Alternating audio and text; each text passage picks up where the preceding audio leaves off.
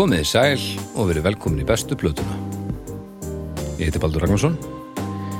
Ég er að taka þáttinu á tölvunum minna. Hún uh, vinnur uh, mikið þess að það, hann hann mæðir mikið á henni, en hún kvartar ekki, uh, sem er ótrúlegt með við meðferð. Og ef, að, ef að ég, þetta væri einstaklingur sem ég væri með í vinnu, þá verið ég kærður. Það væri- það væri líka bara svo skrítið sko. Já, hafa einhvern undir borði bara, bara alla sólurhengin bara eitthvað smá viftu. Og... En hérna, það eru tveir menn hérna hjá mér. Já, hærðu, það er rétt. Sælir, velkomin í þáttin minn. Hættu. Uh, Gaman að okkur uh, Hvernig eru þið? Mm, Ég er ég er með orku sko. Ég líka alveg klálega sko. Þetta er þriði af þremur sko. Klukkan er svolítið margt. Já, já, Kvöldólurinn hefur alltaf unnið mjög vel með okkur. Ég er okkar. með það, sko. Er vinur okkar. Við erum að, þessu verður gerð. Klukkan er 0000 já, Já, já, Er hún? já, er er er langur. Þessu dæmi verða gerð mjög falleg skil. Það er nokkuð lúst Já, Já, ég- við því. köku. Við náðum að belgja okkur út af köku. Já, Ég er er búin að fá Ég er búin að fá með kremkest líka sko. Kremkeks og Það kaka. er smá eftir á kökunni sko. Við Krem, keks og kaka. Þannig að ef við lendum í öngstætti þá, þá getum við jafla hér á, á, á, á kröðri og hlustunin flýgur upp úr öllu valdi. Já, því að það er ekkert sem jafnast á við Smjatt. köku og kremkeks smjatt Já inn í hausnum á mann inn í haustum á manni. Um, áðurum við hérna hendum okkur í það sem að við ætlum nú að, að- að fókusa svolítið á í, í kvöld. Já. þá hér skulum við tala aðeins um hljóðkirkjuna sem er þetta þessi samsteipa sem að þið eru að hlusta á. Hljótarinn, eins og kvöldum að já. Og uh, þetta eru sjö, sjö hladdarar. Hladara hjá hljótarinnum Þetta þetta kemur uh, út á já, þetta, þetta, þetta svona fyllir ansi vel upp í vikuna sko. Já, Svona hlatt veitum. Já, og hva, hvað þátt við uh, langar, viltu tala um eitthvað ákveðin þátt núna til dæmis, uh, doktor? Já, hvað með hann sko hann er listamenn. Já, listamenn, það er svo finnir sko. það er skemmtilegt. Það er Örn Eldjórn og, og Valdimar. Já, þeir eru að, að búi til lista saman. Já, þeir eru listamenn og listamenn já. þeir, já, og þetta er ekki sagt uh, þáttur um listir nema, jú, eh, þeir sem sagt komið topp 10 lista í hvert einasta skiti og jú, jú, topp 10 bílalögin hafa vissulega eh, lista tengt en uh, topp 10 bóðorinn minna. Þannig að þetta er þetta er ógæslega skemmtilegt format og þeir eru alveg slakir og, og þetta er svona bara eins og maður sé lendurinn í stofu hjá, hjá vinum og vill bara svo heppilega til að þeir eru óskaplega skemmtilegir. Þetta er hlaðarp nummer eitt hjá mér þess að dana Þetta Já. er svona hlaðarpi sem ég hlusta á alltaf daginn sem það kemur út sko. ég, hérna, Þegar þetta er tekið sko, þá eru búin í tíu þættir. Já, En núna vantalega þegar, að, þegar þetta fyrir lofti eru búin allavega 12 mm, Meira, 12 allavega. Mm. Ég veit fyrir ég víst að, að þáttur 11 er topp 10 peppulög Já. Ég er mjög spenntur að heyra það. Já, það verður eitthvað Hva, hva, Hvað myndið þú setja sem, sem nummer eitt pepplag? Hérna, já, er það ekki hérna New Year's Day með U2 Frábær tilgáta. We are the champions. Næ, aha, Það er kannski svona meira svona celebration lag. Já, það er svona þegar þú ert búin að gera eitthvað magna of the Tiger. Já, já, og hérna Takkar Johnny, hérna, Don't Stop Believin Já, já, já, Já, rétt. Þannig að ég sjáu það Við erum strax búin að Já. búa til gott af því að þátturum verður góður. Survivor er þetta svona kongar pepp pepplagana Þá svo fyndið í hérna Sur- ja, Survivor, já, þeir, þeir eru bara svona peppband Pep Shop Boys. Hei, þetta var fínt. Takk. Það var fyndið í hérna, þeir voru með topp 10 bóðurum 10 sem er náttúrulega hryllilega fyndið sko. Uh, Eðli máls samkvæmt að sá þáttur aðeins stittri heldur af því að það er náttúrulega yfirld er þetta náttúrulega 10 og 10 sko. En þeir höfðu náttúrulega bara 10 að velja þannig að þeir Já, voru svolítið að tala um það sama En ég held að Örn hafi alvörunni haldið það að bóðurum 10 mm. að röðin sem það hefur í original frá Moses sko, Já. það væri sem sagt topp 10 listi guðs sem við bóðurum 10 Þetta var í sætunum. Já, bara hvernig er þú skalt ekki mann deyða bara fyrsta bóður já, ég minna það. Er þetta er ekki eðlilega fyndið maður Vikalega skemmtilegt. En já, þið getið tjekka á, á listamennum þeirra lögutum Já, og svo bara farið inn á hljóðkirkju Facebookið eða hljóðkirkju Instagram eða eitthvað og, og, og kynnið ykkur rest. Það er hérna það er, það er langs skynsanlegast að gera það bara upp á eigin spýtur. Já, og uh, ef þið hafi ekki tekkað á hinum þáttunum þá skulle ég skamast ykkar. Var það mikið? nei, nei. Nei, gott, finnst þetta bara eðlilegt. Skam Já, mjög gott. Já, já, já um, Styrtaraðælinn okkar, elskulegur Lucky, lucky, lucky, lucky, lucky strike. Það verið lucky strike. það væri erfiðara. Lucky Nei, Records. Lucky Records. Er ekki ágætt að fá eitthvað svona rísa Já, það verið frábært að lucky strike vera. Já, það væri líka svo ógeðslega löglegt. Það væri svo fyrirlegt sko. Uh, Nei, Lucky Records. Já, lucky records. Sem stendur mér nú nær. Plötubúð, svanunum Já, Við hlem og alveg indislega búð og, og margir uh, þeir, af þeim sem eru að hlusta þekkja þessa búð. Já, já, já um, og aðrir sem eru forvetnir og hafa ekki drifið sér nú þegar þá uh, er ekki eftir neina að býða sko. Það er hægt að kaupa hljómplötur Já, og, og síðan líka ef þið eru að hlusta utan höfuborgarsvæðisins þá getið nú tekið netleikin á þetta. Já, vefverslun er uh, briljant sko. Já, Svo er mjög mikilvægt að fylgja þeim á Facebook. Já, af því að þar fær maður ljósmyndir í æð þegar koma nýja sendingar það er mjög mikilvægt sko. Mjög mjög heiðarlegar myndir sem búið s- raða plötrum upp, taka mynd Já. og sína mér myndirnar já, þá hugsa ég ó ég verð að koma við áður en ég fyrir stætó síðan Já. alltaf í vinnunni labb upp á hlem aðeins í lökki og Já. í Já. með svona póka Já. ég er með plötupoka í stætó það er gott sko er svo einfaldur sko ég gera stundum eitt þegar ég kaupi plötu í lökki og fyrir stætó mm. þá hlusti ég á plötuna á Spotify á leiðinni heim og held á henni svona, skoða svona, textana og svona Já, Já. og svo ferðu heim og hlustar á plötuna og skoðar artverki á Spotify Já, auðvitað. Hver, hversu oft a- af því þetta er, þetta er argument sko. hversu oft setið þið músík á plötur sem sagt, heila plötur á Spotify á heima hjá okkur af því að þægilega heldur en að fara í plötskapin Ég er alltaf, er það? nánast alltaf. Í alvörinni? Já, já, já. Þetta kemur í tíumbilum með mér. Aldrei, ég ger þetta aldrei. Ég set playlist á ef ég er í einhverju stuði eða eitthvað svo leiðis, Já, já, en ef ég er að fara að hlusta á bara, á, þetta hlusta hérna á, á bara Batman plötur með Þetta kemur í, í bylgjum með mér. Ég hlusta bara á, á vínil í tvo mánuði og svo er ég uh, dottinn þá meira í einmitt ekki heilar plötu Já, og þá er ég komin yfir. Þa, það gerist líka með mér og sko. svo legg ég aftur yfir í, í plötuna sko. Það fer daldið, já, mér svona bara eftir veður og vindum, sko. Og ef það er, ef það það er er lítið kvast, ertu þá frekar á Spotify þegar hans fíkur nálin? Já, Já. en sko já, sí- síðan er það nákvæmlega. Það er þegar að ég, maður hefur tíman þá þá fer maður náttúrulega í romantíkina í vínil Já, sko. Algjörlega. Bara Já, hef, en þetta er eins og allt annað að- að það allt nú, maður er svo líka svo mikil, maður er svo mikil hundur, maður er svo gamall að þetta snýst allt um einhverja rútínu sko. ég hlusta bara plötur heima hjá mér.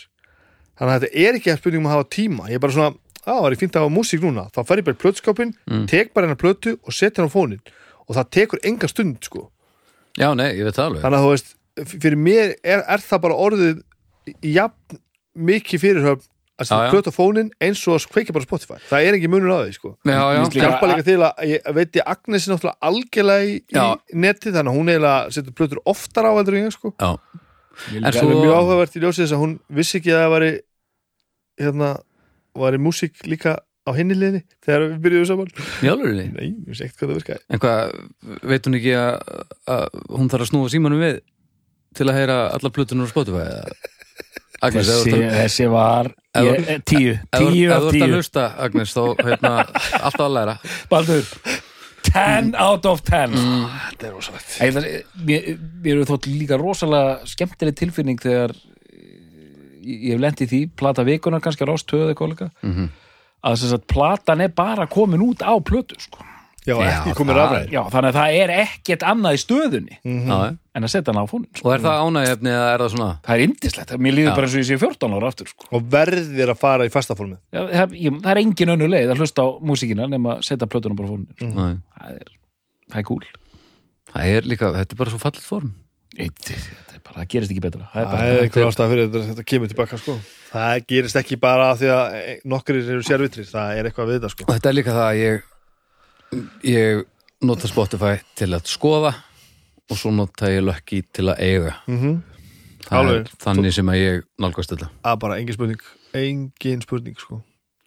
þannig að já, ef þið uh, viljið styðja okkur í því að búa þess að þetta til Já, þá skulið þið fara og, og kaupa það sem ykkur þykir væntum í Lucky Records. Af því að ef að uh, Lucky Records finnur fyrir því að, að þið eru on it þá fáum við áframhaldið hjálp og þetta gengur allt saman upp og það er nákvæmlega þessu viljum. Og ef þið eru uh, annars staðar þá getið þið farið á, á, á vefin Já. Vefislega hefur ekki, það er mjög aðgengilegt og skallett algjörlega. Kaupa fleiri plötur, nú langar mér ægileg plötur sko. Nú skulum við út ekki að fara á vefverslunina núna því að þú ert upptekinn. Mm -hmm. Við erum nefnilega að fara að tala um músík. Mm Þið er konið til þess að tala um bestu plötu Sororisett já, Ég ætla að gera svo djarfur að tefla fram þessari plötu hér sem bestu plötu svo rosett Það er platan The Entity. Það vitur nú flestir held ég sem að hlusta að, að, að það er höfuð ástaf fyrir því að ég tefli þessari plötu fram sem, sem þeirra bestum Þetta er eina útgáfa þeirra sem að uppfyllir kriteríuna sem að við förum eftir hérna. Mm. breiðskifa listafólks eða hljómsveita. Mm -hmm. eða svo sem með hver sem er sko. Það má náttúrulega bara vera einhver sem, sem vinnur á, á gröfu sko. En, en það þarf að vera breiðskifa gefin út af af einhverjum með nafn. Já. og þetta var eina breiðskifa sem svo Rónsett gaf út. Já, um, bara þannig. Og hér er Bogi Reynisson söngvari það er Bogi söngvari. Það er Fróði Finnsson á gítar, já. Guðjón Óttarsson, gítar. Uh Gísli Sigmundsson á bassa. Og Karl Ágúst Úlsson Nei, Guðmundsson. Karl Ágúst Guðmundsson segi ég. Á Karl Ágúst- trommum. Karl Úlfsson ekki er, er annar. Já, það hefur frábært eins og það Ég vil hefði verið fyndið. Já, spaukstofan er, er, að spila hefða Ef þú ættir að ræða þetta með spaukstofunni niður Hver var á bassa? Sko, Karl Ágúst er auglustlega á trómur Karl Ágúst Úlsson á trommum Ég vil myndi setja Sigga Sigurós í frontin Ég vil væri það fyndið. Já, Heyriði, hvernig hefur að gera þetta mál? Við þurfum að taka þetta í einhverju krónológiski. Ég hef eh, sko, ég hef nú aðeins rætt þetta band við, við meðlimina sko sérstaklega þrjá sem eru á þessari plötu. Mhm. eh, Ég skynja það alltaf að þetta band hafi alltaf verið band tvekja manna sko. Já, já, Er það rétt hjá mér? Af því að nú, nú er ég að segja sk- skynja, af því ég hreinlega hef aldrei fengið þetta hreint og ekki kannski spurt beint að því sko. Ég ætla bara að henda út öllu sem ég veit sko, hérna Gísli og Guðjón voru hausarnir mm uh, Karl Ágúst Guðmundsson -hmm. mm. og Fróði Finnsson. Þeir voru svona meiri svona gaurar sko. Og það sem gerðist þegar Fróði gekk úr bandinu Fróða langaði til að fara með þetta meira í svona einhverja funk áttir. Taka bara einhvern svona hvað hétu þeir, hérna taka meiri kannski cynic hérna vinkil á Já, þetta. ok. Og hérna eitthvað svoleiðis af því hann var bara þannig tónlistamæður og Gísli sagði mér þetta beint. Uh -huh. og Gísli sagði bara Gísli og Guðjón sagði bara nei, Þetta er ekki Nú þekki ég Guðjón miklu minna en Gísla Gísli er stórkostlegu maður. Já já frábær. Hann er ekki maður mála minna og það, skal, það, er ekki, það er nóg að líta hérna. Já, hann er ekkert að fara, fara Já, varst að pæli því? Já, gefum því séns. Nei, það er ekki að fara að gerast. Hann er ein ári eldri en ég, hann Gísli, fættur 73 ég Já. þorði aldrei að tala við hann á sínu tíma því hann lítur út eins og hauskúpa hérna á þessari mynd. Síðan hef ég nú kynst þessum indislega dreng Já, hérna í, í seinni tíð. Trúlega skemmtilegu maður. Frábær vandaður. en sem sagt eins og heyrir, Guðjón og Gísli sáu til þess að þetta væri döður og sveit sem kom svo sannarlega ljós þess að, og eftir að- það sem þeir gerðu eftir þessa plötu er algjör döðarokk Sko, ef að fara að E, Viltu að við förum yfir allar útgáfurnar eða eigum við bara að fara við sögu bandsins, hvernig viltu hafa þetta? Eigum við ekki bara að fara yfir sögu bandsins og þar með útgáðum Já, er það ekki eiginlega. Jú, það er snertilegt sko, bandi Genhafn. stopna Reykjavík 1990 Satt af þeim tveimur, Guðjónu og Gísla Mhm. e, er það svo þannig að þeir manna bandið með Fróða og Kalla Sko, ég held það að þegar eh, Gísli byrjar að syngja sko. Já, já, sko hérna og Gísli, sko, hann syngur Gísli syngur síðan kemur Bogi inn og syngur Bogi kemur úr hérna Klorkok Diabolus Mhm. sem hafa með Sindra og hérna fleirum Gunni Óskars fleiri gaurar um, þetta er í rauninni þú veist, þetta er fyrsta döðarhásljónsettin á Íslandi Turbo og þeir höfðu verið að gera hann þrass á undan 1990 er hljónsettin stofnuð sem svolítið svona þrassband sko. Já, einmitt, þú voru að spila Bubba Mortens og æfingum og eitthvað svona sko. Var það þannig? Já, já, meðal annars sko. Þegar, þú veist, þegar þetta er svona basic bílskúrs, bílskúrsband sko. Fróði hafði búið eitthvað í bandaríkjunum Fróði kom með fullt af dóti sko. þú veist, bara alls konar svona þú veist, hvað, það sem var í gangi autopsy og boltþróer og eitthvað svona dótari sko. en þú veist, þetta sko Gísli er fyrsti söngvarinn, síðan kemur Bói og syngur þessa plötu, en síðan hætti Bói og Gísli fer aftur að syngja sko. Stopna 90, mm. vinna músitilun 91 Mm undir nafninu Infúsória stopna sem svo rórisætt mm farið músitilun sem Infúsória Aha, hver er að syngja þar? Gísli. Gísli syngur þar. Mhm. þannig að fyrir hann að þeir fara undir fölsku flaggi í stúdíu fá stúdíutíma fyrir að vinna og fara svo bara að taka upp með einhver allur lænupi þetta er mm, Nei, sko, nei, nei, nei, nei, nei, nei hérna sko, uh, já, voru sagt þetta er svo fyndið að hérna koma einmitt í músitilunir vinna sem Infúsória um, uh, sko hvað er það að segja ég heyrði einhvern tíma, nú selða ekki inn að kefta það sko, að Infúsória hafi verið valið því það verið meira katsi nafn eins og þetta var að fara verði eitthvað sko að fara að taka, hérna, taka undir sig alheimsmarkan líka er þetta ekki bara minna offensív er það ekki málið? Svo rórisætt er Já, náttúrulega það var svakalegt sko veit. En ég meina, bandið sem er hann aftan á já, er bandið sem vann músitilunir mínus bói sko. já, ok, ok, ok. Já, já, Þar var meðal annars flutt lagið Gálkar döðans.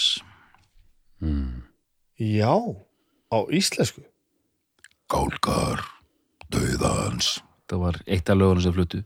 Fjögur lög sem voru flutt á þessum tíma í, ok. í músitilunum Þeir voru þetta bara geðveikir sko, þetta bara trónuð hann yfir, þetta er 91 síðan 92 þegar Kolrasa vinnur þá er allt smekkfullt af döðarásböndum af því að þeir eru unni Já, ég man þessu. það var ekkert mikið af döðarásböndum hann 91 sko. við fórum Nei. sko sem Torture 94 held ég sko. Þá var, við vorum bara mitt, þá var vagninn var farin við vorum svolítið.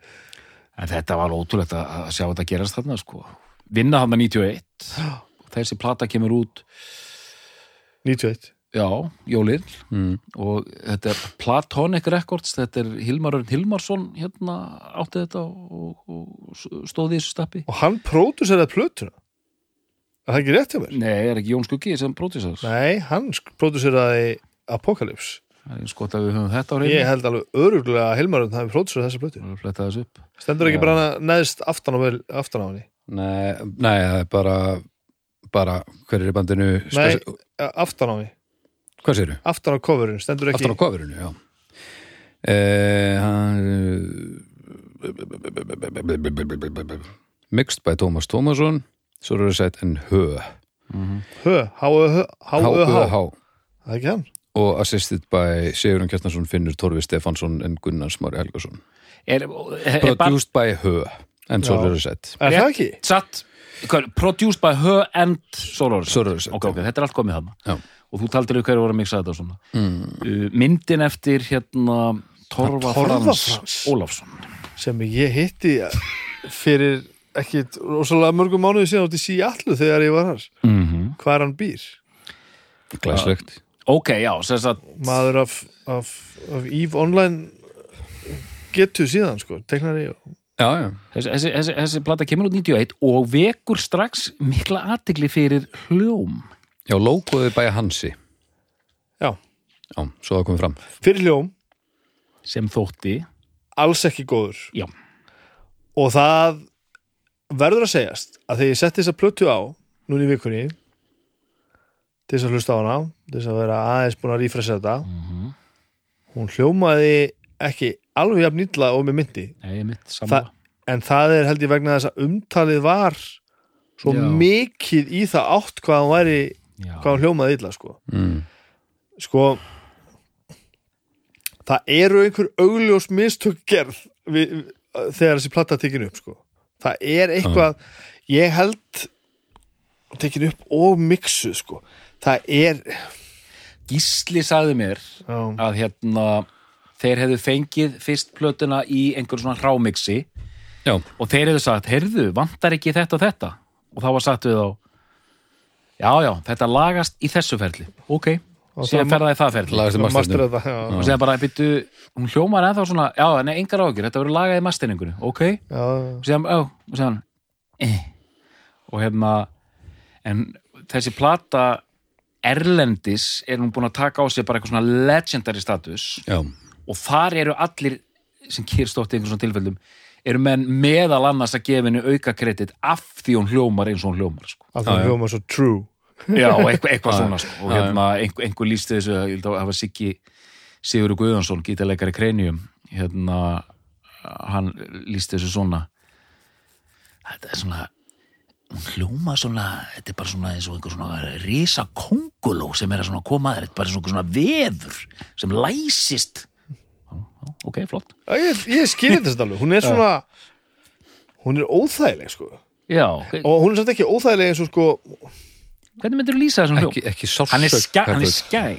Já, en, en hann er samt ekki sko það, það er samt alveg bottan eitthvað líka, það Já. er það er eitthvað í gítarsandinu sem að er, og ég, sko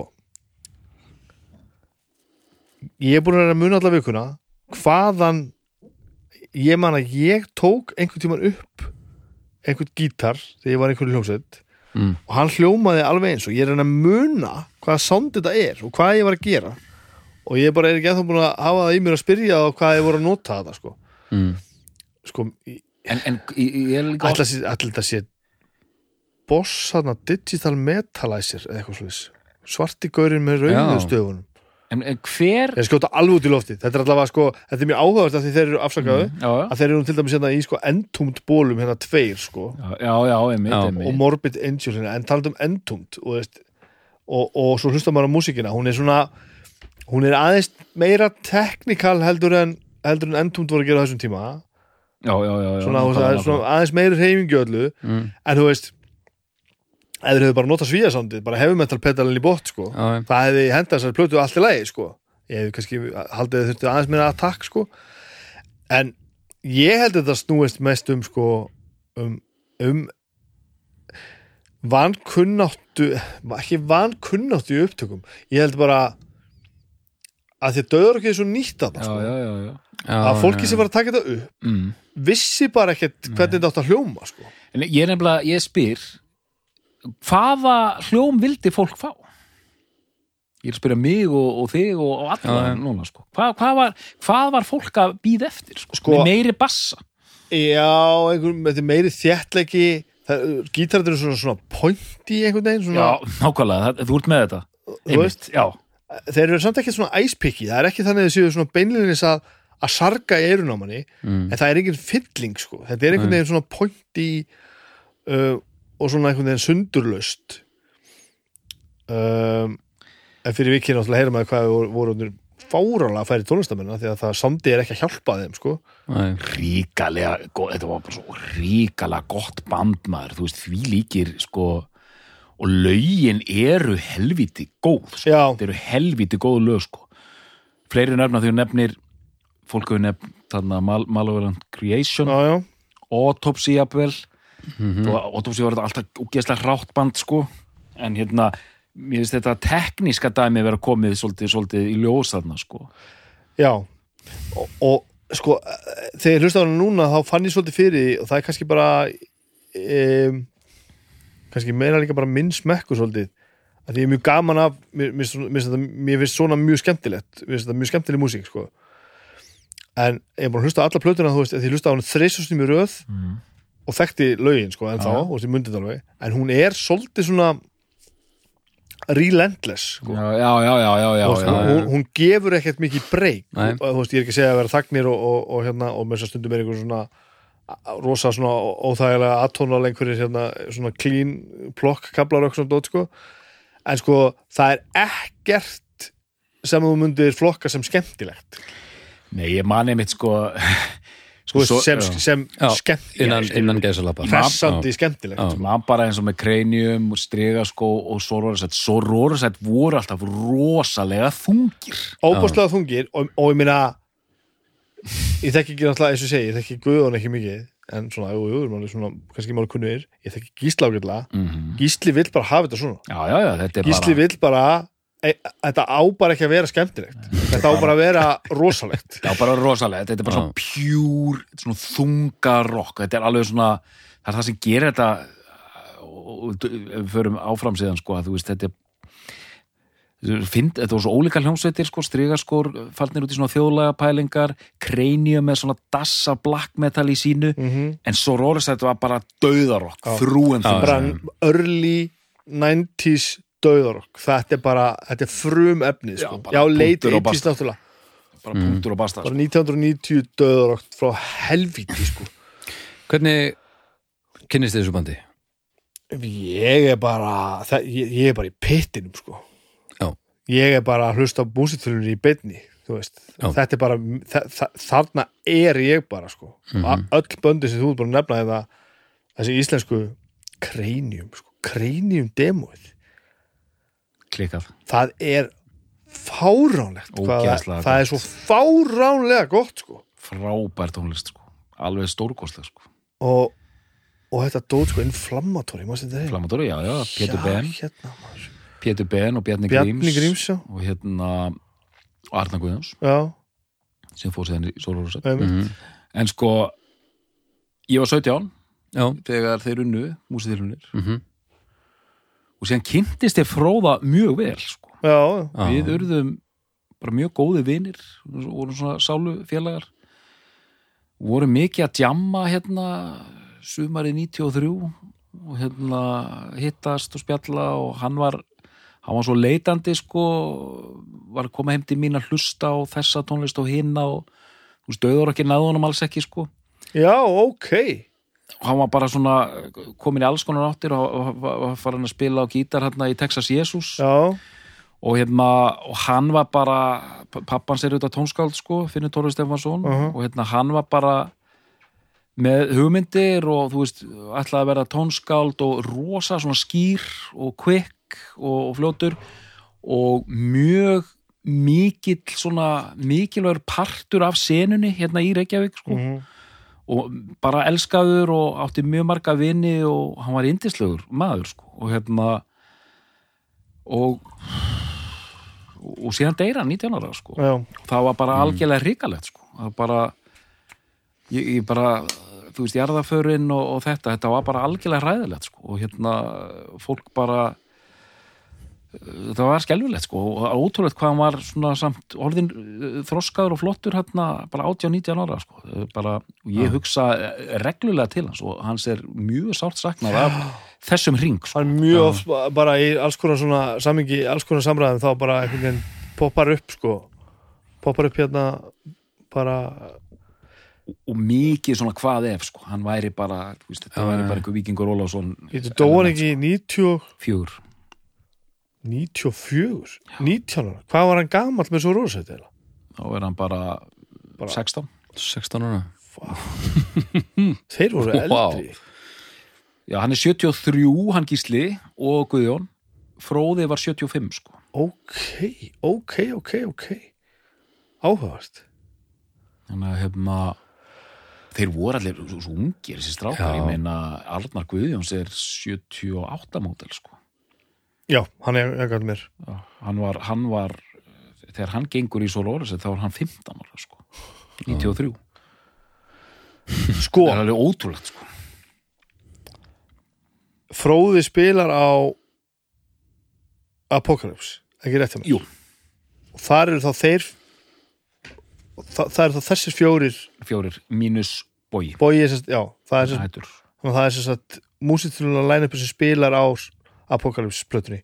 Já, þessi þrjú lög á þeirri sapplötu sem kom út 92 á vegum skífunar sko. Já. Og það voru þrjú lög á band. Svo eru sett Streyjarskónum 42 og, og hérna og In Memoriam. In Memory Og ég man eftir að tala Jón Skugga um þá plötu að vantalega hafa þeir svona sko brendir af umtalinu um þessa plötu að sko hann nú voru ég sé ekki að búið þetta til rosalega langt sen við tölum um þetta, ég hef talað um þetta við hann þegar hann var að mixa kemur og fer plötuna með innvortis 1998 eða eitthvað, Ég er vissum úr með þetta Hvað er með það? a- að sko hann varð að leggjast undir feld og Já. bara kynna sér Mm. hvernig þetta átt að vera sko Já. að því að þú veist, og ég held að það séu mistökir sem voru gerði hérna á, á vinga þetta að, að það heyrðu allir hvað var að gerast sko, Mm. þetta var svo nýtt að þeir sem voru ekki að lifa og hræðast þessari músík áttuðu sér bara ekkert á því hvernig þetta átt að hljóma sko. Já, eðlilega já, eðlilega, nema kannski þú veist, Óöfilegt já, þetta áttu bara drullast til þess að gera hlutur á millega, þú áttu að kynna það sem þú áttu að fara að gera sko. Já. en auðvitað sýtta þetta núna 100 ára setna og segja það sko. en Apocalypse-platan er bara hljómar drullu skemmtilega sko. Veistu það Live Below með svo rórisæta og þú ert að taka af mér hérna conversation punktin minn sko. Nei, er með það? Ég, nei, hérna, komdu með þetta bara Annar ekkert verður að koma með þetta sko Sko það er bara gjössamlega fáránlega gott lag sko.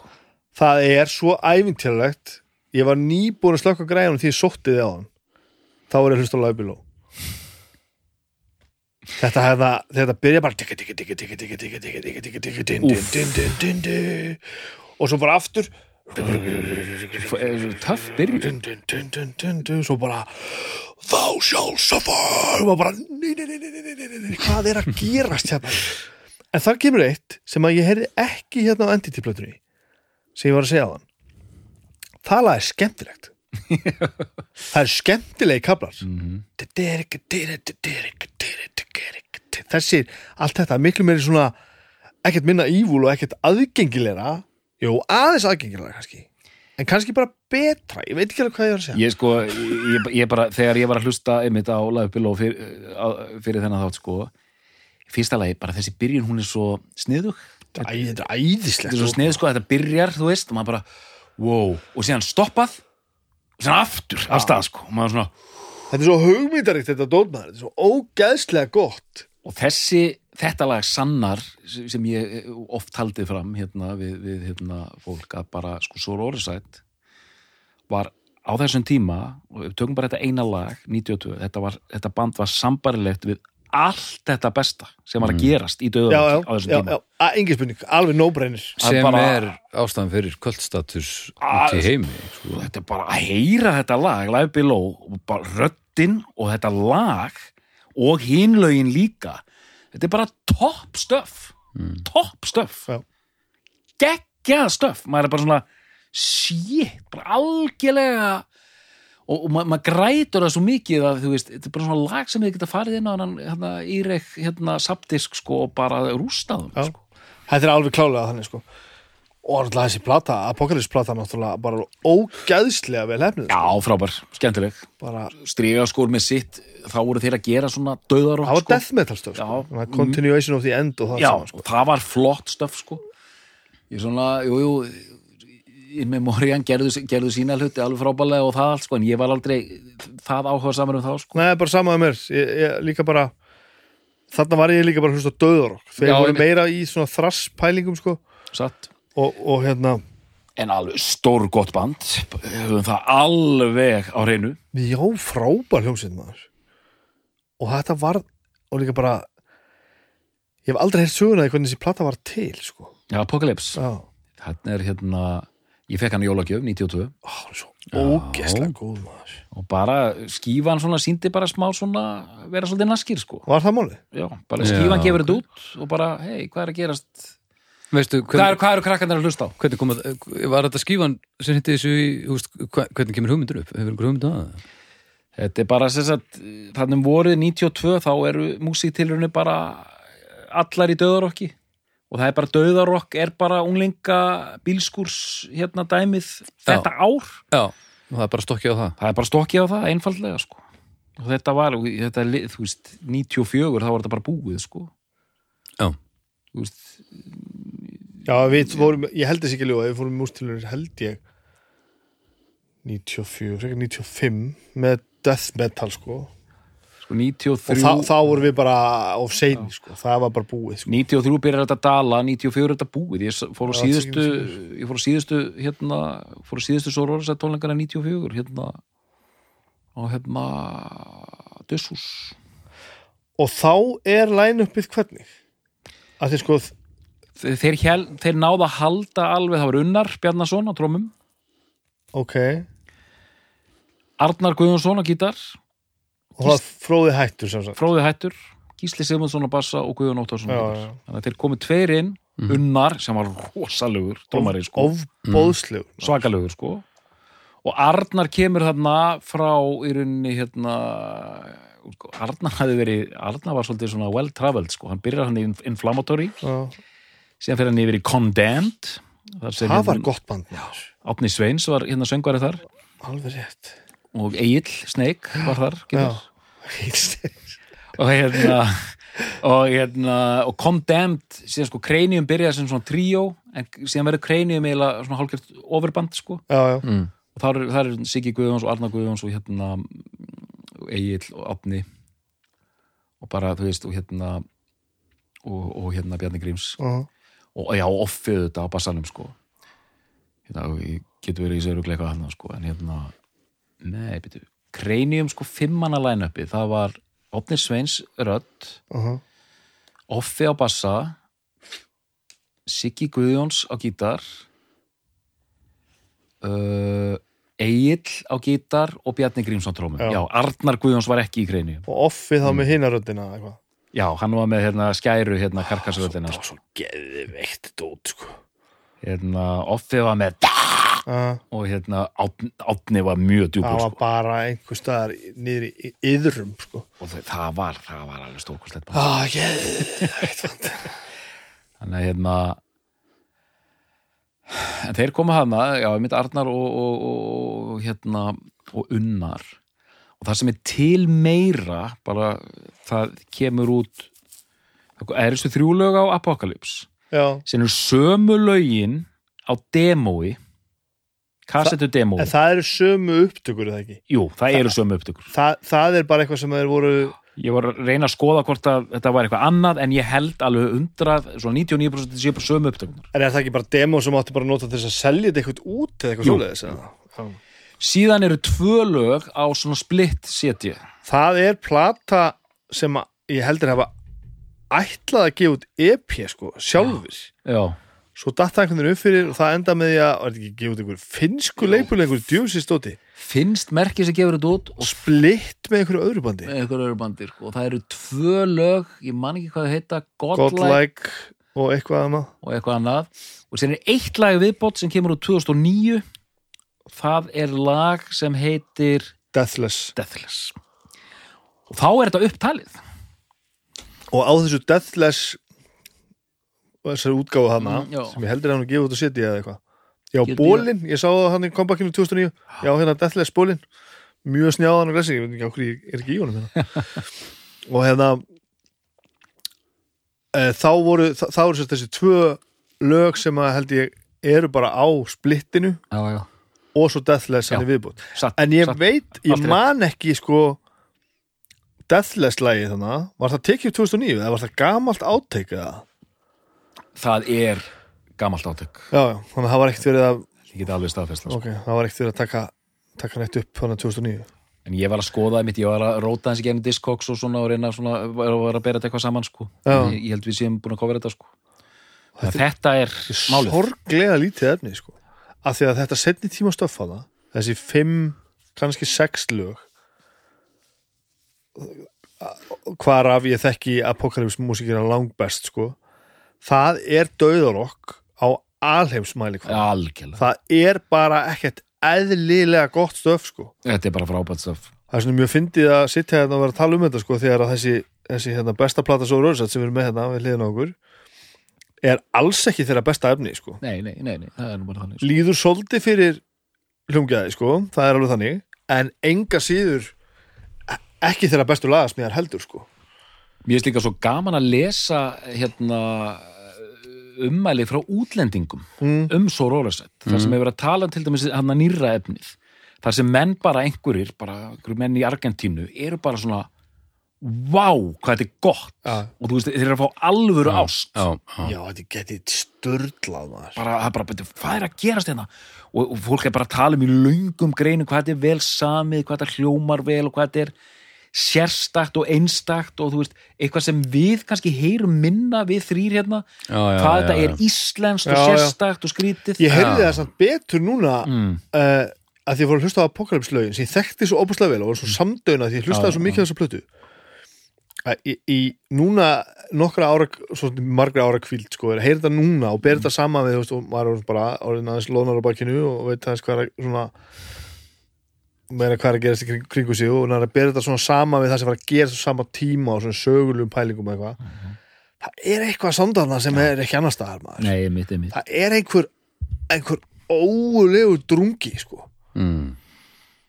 Já, eiginlega rétt orðið, drungi. Það er einhver svona, einhver svona djöfulegu drungi sko. Ekkert sem við getum pinpointað hvað, hvað það er. Sko þessi söngur hans gísla er náttúrulega ekki Já, hann er náttúrulega ekki, ekki alveg á sama kaliberi og við hini erum á sko. Er hann er bara einhver stað til hliðar sko. Já, bara hvernig maður lítur út.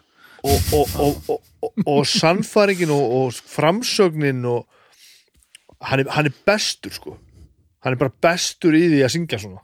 Mm, en það mast, og veist og ég vil og ég að Böbbi náttúrulega hefur alltaf hort til hans mm og svona uh, stútir hann hvað hann er að gera, þó að Böbbi náttúrulega og sérstaklega í byrjun var hann svolítið á þessum slóðum sko, já, og við talað við Gísla veist, um beitingu og svona sko, jógurt trykki í stúdíónu frá Gísla sko það er trykkið, maður er alltaf með jógurt í Jógúrtrykkið. er er ekki séð að Böbbi er alltaf með jógurt í stúdíónu Nei, hvað, ætti ég að vera að gera það? það er til þess að halda ratböndur um sleppjulugum og með þetta rimja í stúdíónu Þetta kemur frá Gísla. Já.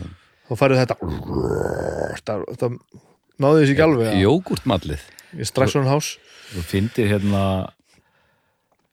fyrir mörgum, mörgum ára síðan meðal annars á eistnaflugi þar sem ég hitti nú ykkur ég var að skoða gamla ljósmyndir af þessu hérna, gamla ljósmyndir, já, það var ekki verið nýjar bara. Það nýja ljósmyndir af eistnaflugi frá því tíu ára síðan. Man gera svona remake, fara og taka þær aftur. Ég og Bjarni Gríms og Siggi Guðjóns byrjuðum að búa til svona, safna, byrjuðum að safna efni. Ætlum að gera mynd um íslenskt öfgarokk. Já, ok, Ætlum fyrst að gera bíómynd um íslenskt öfgarokk, sen ákvaðu svona að expanda þetta aðeins. Mhm. Og þá var byrjuð þarna nýja bylgjan, hérna Severt Krotz og allt þetta. út af, já. Mhm. Og fórum eitthvað svona flakka, tókum viðtalið Sigdrik Berg og fórum meðal annars hérna á Eistnaflug, Mhm. sem við tókum þessar gömlu nýju ljósmyndir hérna ég er hún svo þreyttur að- ég veit ekki hvað ég að segja lengur að hérna en ég fór aðeins fyrr þá var ég sko mjög virkur alkálisti og ég sagði við kona mína hérna mjög mjög virkur ég sagði við kona mína ég þarf að fara aðeins fyrr, ég þarf að kanna svæðið og svona, mæla út hérna tökustæð og svona. Gamla tryggið gamla trikkið, síðan sko Hjálpuðu við þér eitthvað með það? nei en það var hins vegar teknara með myndir þar sem ég var að sturti með bjórbongi. Já, og Facebook var nýbyrjað og þannig að Móhauður var í Reykjavík og það voru bara byrta myndir af Arnari Eggjar þar sem hann var bara að drekka bjórbong sko. og, og kanna tökustæði já, Já, það er að tekka tökustöðunum geti verið tökustæður þarna uppi? Nei, hérna, en síðan sko og við tókum slatta viðtölum ég og mann tók, þessu bongi, ég tók þetta bong líka sko. síðan voru, tókum við líka nokkuð viðtöl svona í, í, þú veist, í, í setti. Mm. og þá meðal hans fengum við gísla í viðtal. Já, og hérna þú veist, ég og Bjarni og Siggi og ég hafði aldrei hitt Gísla. Og en ég tók að mér ég var svona að, að framkvæmda stýra hérna, viðtölum og svona og ég ringdi í hann bara í nefna síma. Og hann var eins og hann er svona rosa ljúfur sko, já, já, að já, jú, ég já, nú líklega síðan sá koma hann og eitthvað svona. En okkur leið ég man þegar vorum að býða eftir hann kæmi okkur leið bara eins og Díó væri að koma eða eitthvað sko. Já, hann hefur útrúlega presens sko. hann er bara með þannig status en síðan kom hann og þá var í fyrsta skipti satt ég hana og var að spjalla við hann um þessi ár sko bara, við vorum að Já. tala Já, bara já, já. eins og menn og, og, og allir bara léttir og bara og þá heyrði maður allt þetta með soundið og, og til dæmis að átt að breyta bandinu ykkur á fanklumsvit og hann- hann hefði sagt nei og allt þetta Já, Já, það kom allt, allt fram hann sko. Ég man sko því ég sá 2009 comebackið. Og, og ég man ég var svolítið að velta fyrir mig bara hverju myndu spila þetta sko veist, því ég einhvern veginn bara áttaði ekki alveg á því hvernig veist, mannskapsstaðan var sko. Mm -hmm. þeir höfðu komið saman sko 2000 man ég. Já, spiluðu eitthvað one-off gig þá. Alveg þá voru held ég sko Frosti og Bjarni að spila gítar sko, mínus menn sko, satt, sem er mjög sérstætt sko. Ég sá það gig sko. Já, ok, hvar var það? það var í lögadalum á einhverju festival Já, jú, þetta var á þessu, hvað heitir þetta? Reykjavík Music Festival. Fjórsarnir voru að spila og einhverjum svona erlenda hljómsveitir. Ok. Og svo bara, þú veist, kemur bara þetta line up sem að maður svo sem vissi alveg hvað var og bara frábært og Arnar Guð og einhvern veginn kemur þetta búin að vera að eitthvað lífslufsast eitthvað Já, einhverju svona, svona krútt poprocki eitthvað, þú veist öll þessi ári eitthvað rosa trendi og flottur og ekkert mál, sko. Og ég þekkti hann ekkert, sko. Ég bara, já, já, ok. Ok, áhugavert. Og svo byrjar þetta. Og hann er svo góður að gítar, sko. Hann og hann byrjaði að spila og hann púlaði þetta svo algjörlega. Og hann var einhvern veginn alveg, þú veist, indilegur í útlitið eins og hann er, sko.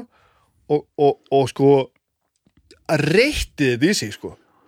Og ég, bara, ég fór að tala við þetta ekki bara djöfull var þetta vel gert. Og hann svona, svona er svona lítilátur einhvern veginn og Hann er- hann er ekki eðlilegu músíkant Hann er svo fucking klár sko. hann er geðveikur tókum upp- tala um gigið sem sagt? Já. Já, já, já, já, einmitt, einmitt Ég, ég sá það gig líka, það var dásalegt að hann var rosalegt maður Arnar tóku plötu uh, skálmaldaplötu sko og það var ekkert eðlilegt að vinna með hún Nei, það Þeir ótrúlegt. voru alveg standandi hlessamanni á þeim tíma þegar Siggi og þeir voru með kreinum og svona þá bara allt í einu kom í ljós að, að litli bróðan Sigga var bestur Já, já, já. sem bara Já, mætir já. hann 13 ára eitthvert og drengurinn er bara undrabann Já, hann er ekki, hann er ekki eðlileg og líka þetta stökk á milli stíl húst, Já. stefnur er engin fyrir Nei, og, nei, en, engin fyrir staði segi ég. og lífstótið er alveg sko bara second og non sko já, já, já, Já, ég er úr talað niður, ekki sko. miskilum sko. Nei, nei, nei, nei, Það bara nei, fyndi ég- að sjá, maður var svona bara að fylgjast með honum í því öllu saman ég, ég skildi alveg hvað hann varst að koma sko. Og- og, og og svo síðan bara, að gera þetta varm, varmlandstöf líka sko. þetta er allt og,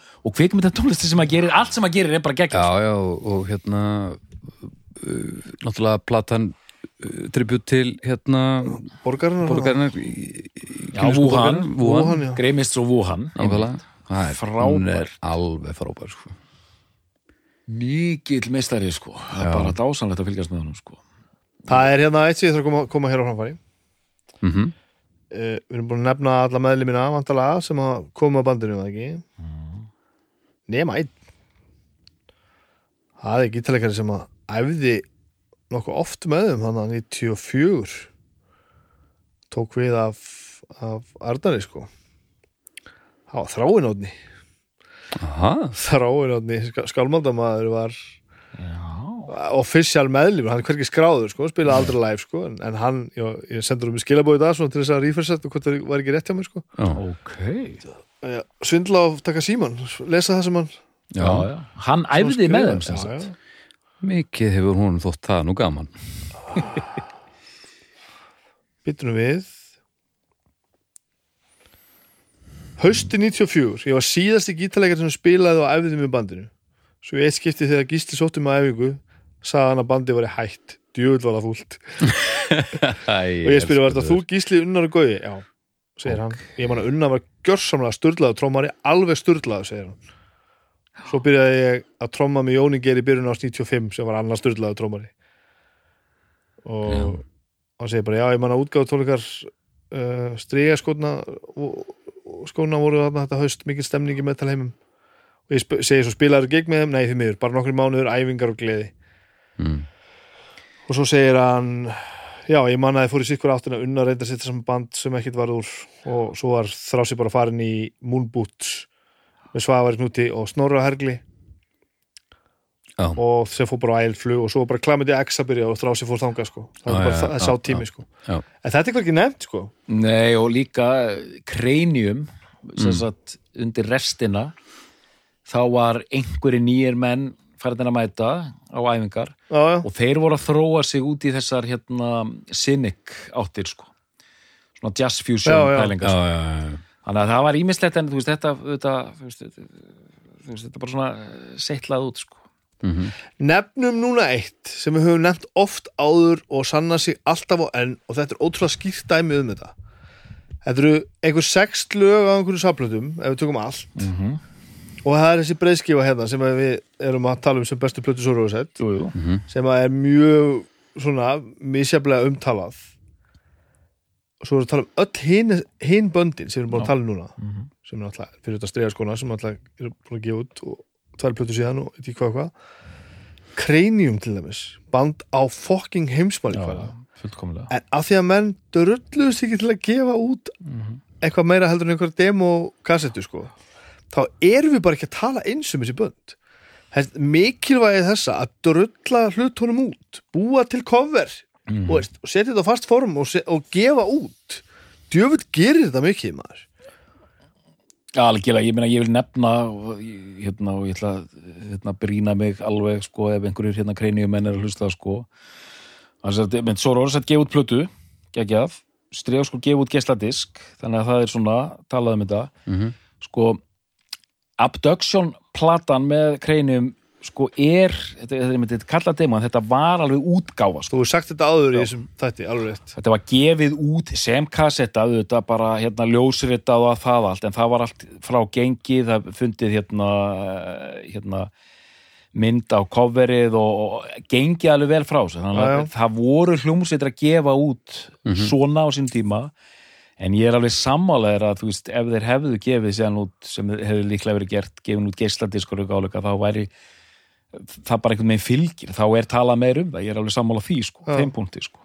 Og hérna og, og megin punktin er bara sá að þú veist þessi, þessi lög þarna á þessari abduction kassetti eru bara, þetta er svo rosalegt. Hvert er sko. hvert er hlutfalli frá þessum böndum á þessum tíma hversu mikið er til og hversu mikið vandar það sem kom út er þetta þrennt. Það kom út vínilplata með hérna Sorhorsæt, Já. Kassetta með Cranium Mhm.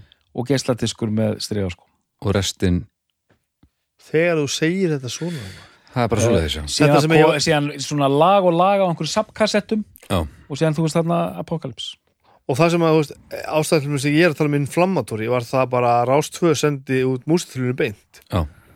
Legendary gegn inflammatóri það sem ruggluðust og einhver er að óð út. Það er til dæmis frábært band að norðan sem þið þekki kannski Bafómi já, Bafumönd það var ekki, ekki, ekki slæmt band. Nei.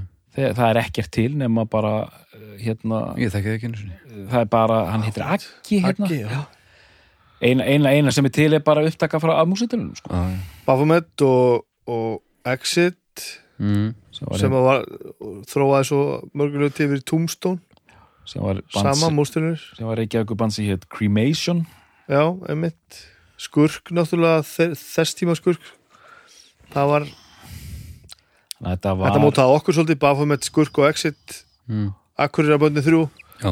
og legendary videospólu sem hétt Norðu Herrock sem var tekin upp í 1929 Mm. og við hlustuðum á alveg í drepp gjössamlega til helvíti sko. Já.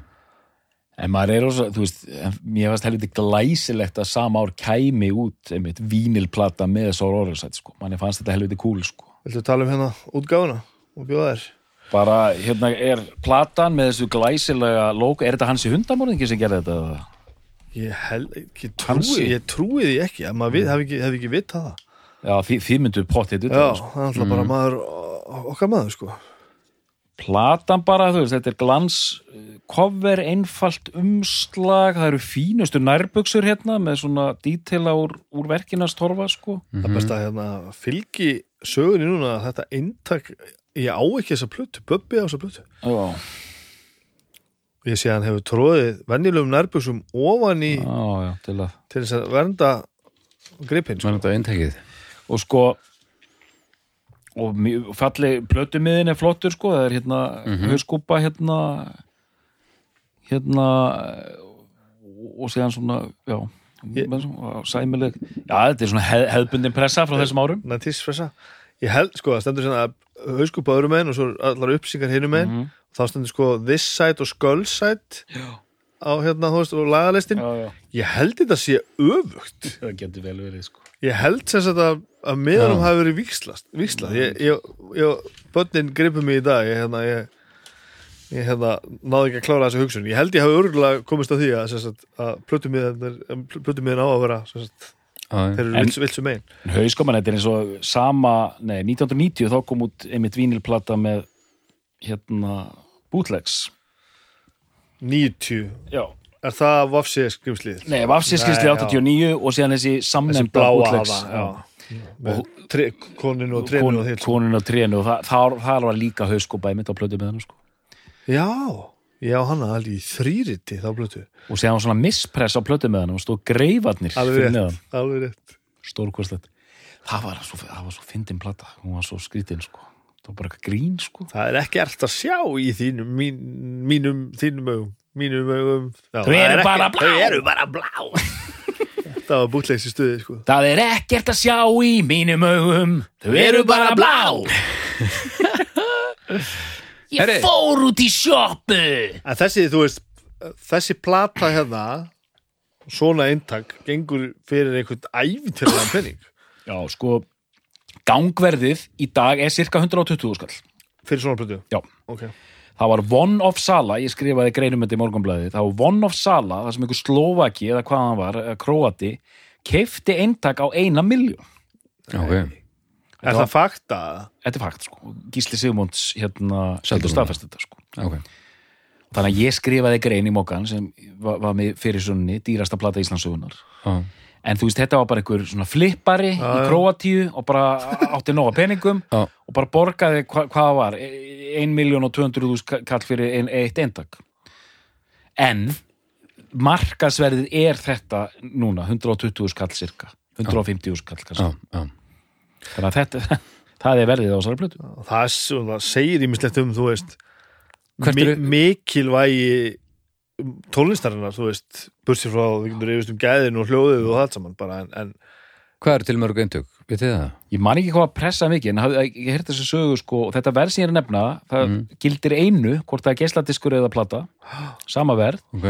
síðan er þessi saga að hérna skífan var bara að losa sig og það var sko einhver mörg hundru eindökum henn uh, Uh, bara um, ekki með þetta út, út, út á hauga sko. heyri svona hryllingsögur sko. svakalegt sko en já, Heyri, ég ætla að fara að kalla á, á uppgjörið góða. já, fa- fallega, fallegar sögur hérna. Já, Doktor. Heyrðu, já, Sororisite, The Entity besta plata Sororisite, það er ekki spurning besta breiðskifa hljómsættirinnar og hérna ég er svolítið gladur að, að hafa fengið tækifæri einmitt til að heimsækja þetta aðeins aftur af því að ég gæti gegn, rent, rent henni aftur. Mm og ég á nú eintak heima sko en síðan er hún auðvitað fljúandum á YouTube og eins og það er allt sko. Entity já, hún er á hún er, Spotify hún er á Spotify en eins og er Apocalypse ekki á Spotify. Og hérna og sko hérna uh, þannig að já, einmitt, þetta voru svo mikla tröllasögur og svona óanæja hérna á síndum með sándið en ég var miklu rólegri núna og ég, var að hlusta alltaf eftir lögunum en ég var þetta bara frábært bara algjörlega staðist allt sko þannig að bara, bara meiri háttar gripur úr, úr þessari litlu döðuroksenu okkar hérna Íslendinga og Já. maður talar eins og einhver svona gamall frændi á þorrablóti þegar mér er ekki svo vænt um hvað útlendingarnir er hrifnir af þessu sko. já, maður er aldrei stoltir af strákólum sko. Já. Takk fyrir mig Snabbi. ég hef pínuð á sama stað ég, hérna, og ég var litaður af, af sándumræðinu og allri umræðinu einhvern veginn það var svo langt síðan að hlusta á hana ég hlusta alveg mikið á þetta sínum tíma sko. og svo hlusta ég á hana núna og, og þú veist A, mér fannst hún ekki sánda eins illa eins og var alltaf talað um sko. -hmm. og, og B, þetta er bara ógeðslega góð plata sko. Já. eh, ég man að ég grafi til að það eru svona hratt yfir í apokalypstöfið sko, þegar Já, það kom Mhm, og mhm. fjarlæðist þetta mjög hratt sko, Mm. að því að feysum það, það er betra sko. Það voru allir svo glaðir þegar heyrðu þessu lög hann bara yes. Alltaf bara þessi þrjú lög sem þeir eiga á apokalipsplötunni eru þau eru þau eru stjartfræðileg sko. þau eru fucking stjartfræðileg Hvað er hægt að hlusta á þetta? Er þetta einhver staðar? ég YouTube. fann Er Allt á YouTube, YouTube? allt ég Ok. fann þetta ekki sko, ég þurfti að leita sko að demón á YouTube sko, ég fann ekki undir semst, Apocalypse, ég fann, fann Já, já. allavega ég leita á lagatitlanum, þá fann ég það ég fann sko Live Below á Spotify sko. Ég- á Spotify, Já, ok það var eitthvað svona illa takkað eða eitthvað sko. Ok, ok, kannski er ég erugla uh, en já, en, en að taka þetta svona þú veist, systematist og, og, og hlusta á entity, the entity eins og hún kemur fyrir sko, Mhm.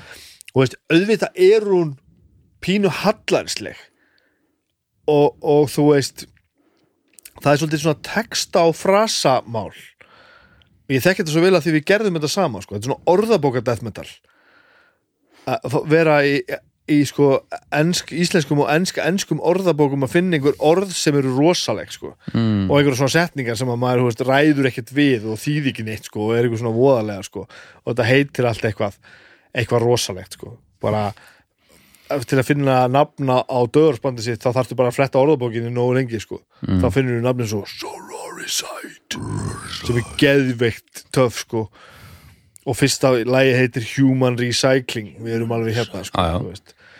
og, og, og svo á þetta að vera líka og þú veist, Redrum þetta er svona einhver svona, svona pínu popkultur komið þarna sko.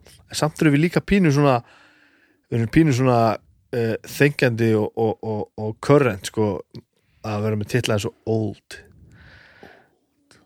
Mm. anger of the inferior. Þú veist, þetta er allt rosalegt sko. Og þetta hérna og þetta hérna þessi, þetta kvót hérna á baklíðinni in the decay of time and the putridity of aging eternal darkness would seem a blessing.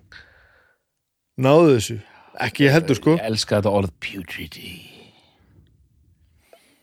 Putrid, putridity. Þeir eru ekki, ekki að syngja pils og kók um putridity. Pu- putridity. Ég veit það ekki, ég skilir þetta ekki þú nei, eru ekki að syngja pils og kók sko. það er rosa meiningar sko.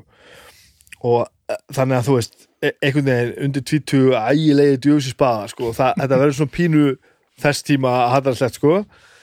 en, en það er líka bara til því ég, og mér þykir svo vænt um það því að ég gerði hérna uh, ég gerði þetta sama sko. alveg nákvæmlega uh, en En voru þið úsvíkingarnar að fylgjast með döðaróksunni? við vorum bara að kopja þetta sko. Ég var bara í hljómsveit sem ég heit Exhumation og við gerðum bara nákvæmlega þetta og vorum bara að spila nákvæmlega eins músík vorum bara helviti góði sko. svo uppfærið við það í hljómsveit Torture og það var fyrna gott death metal band sko. við vorum bara, ég, ég spilaði bara döðarokk á gítar og var bara helviti góður í sko. og það, það var ég myndi segja við vorum að hlusta á Deicide og uh, Sepultura þú veist, þetta kom að úr, úr þeirri áttinni Cannibal og svo bara þetta, bara Já, þetta, þetta, þetta alveg fullu og ég meina, ég held að, að, að það sem við vorum að spila var held ég alveg ofbóðslega mikið inspírað svo rósett, alveg bara og fyrir okkur voru þetta bara risastórir menn sko. Já, já, bara já, já. ósnertanlegir risastórir menn sko. Mm. það sem var á þessari, þessari apokalypsplötu var bara þetta voru bara einhverjir fjarlægir rock guðir sko einhver staðar fyrir sunnan sko hinum með víkuskarið örfáum árum eldri en við að, að gera í rauninni alveg að sama við vorum að gera en, en maður upplýði þetta bara, bara komið kom plötur og þetta er bara geðið Já, sem þetta var og ég ætla ekki að taka og mikilvægt þetta fyrir meina, framhaldið sko. ef ekki þetta hérna þá er til með engin skálmöld sko. það er bara mjög einfalt þetta, veist, þetta bara þetta dró vagnin sem við við tókum svo bara, við stukkum svo bara við borðið í sko. Það er alveg þannig á gaman að hlusta þessu blötu, það er bara ég er, búin, ég er svo þreyttur, ég er búin að glemja þessu er ég í uppgjörinu það? já, ok uh, á gaman að hlusta hana og, og hérna og eiginlega komur óvart hvað þetta er gott sko. Já. fyrsta lagi þessi plata og öðru lagi svo að hlusta á bara, fariði bara öll og hlustið á Apocalypse lögin með svo rosa þetta er bara ekki, þetta er ekkit eðlilegt sko. Er sko. Þetta er ef þið eru óvön að hlusta á svona músík þá þurfum við að gefa ykkur smá tíma því að þetta gefur maður ekkert mikið sens en þetta er ekki eðlilega músík maður. Hítið ykkur bara upp með spiritual healing með death. Það er svona, er svona bara svona aðeins á og sí- síðan getið þið farið þá yfir í þetta sko, þingra stöf Hljóma vel. Þannig að Snæbjörn, Já, er þetta besta plata Sororisett? já, Doktor, er þetta besta plata Sororisett? Þú verður flott að ég drægi núna upp svona óutgefna plötu hérna. Tara! Já Við þakkum fyrir í dag og við heyrumst af ykkur liðinni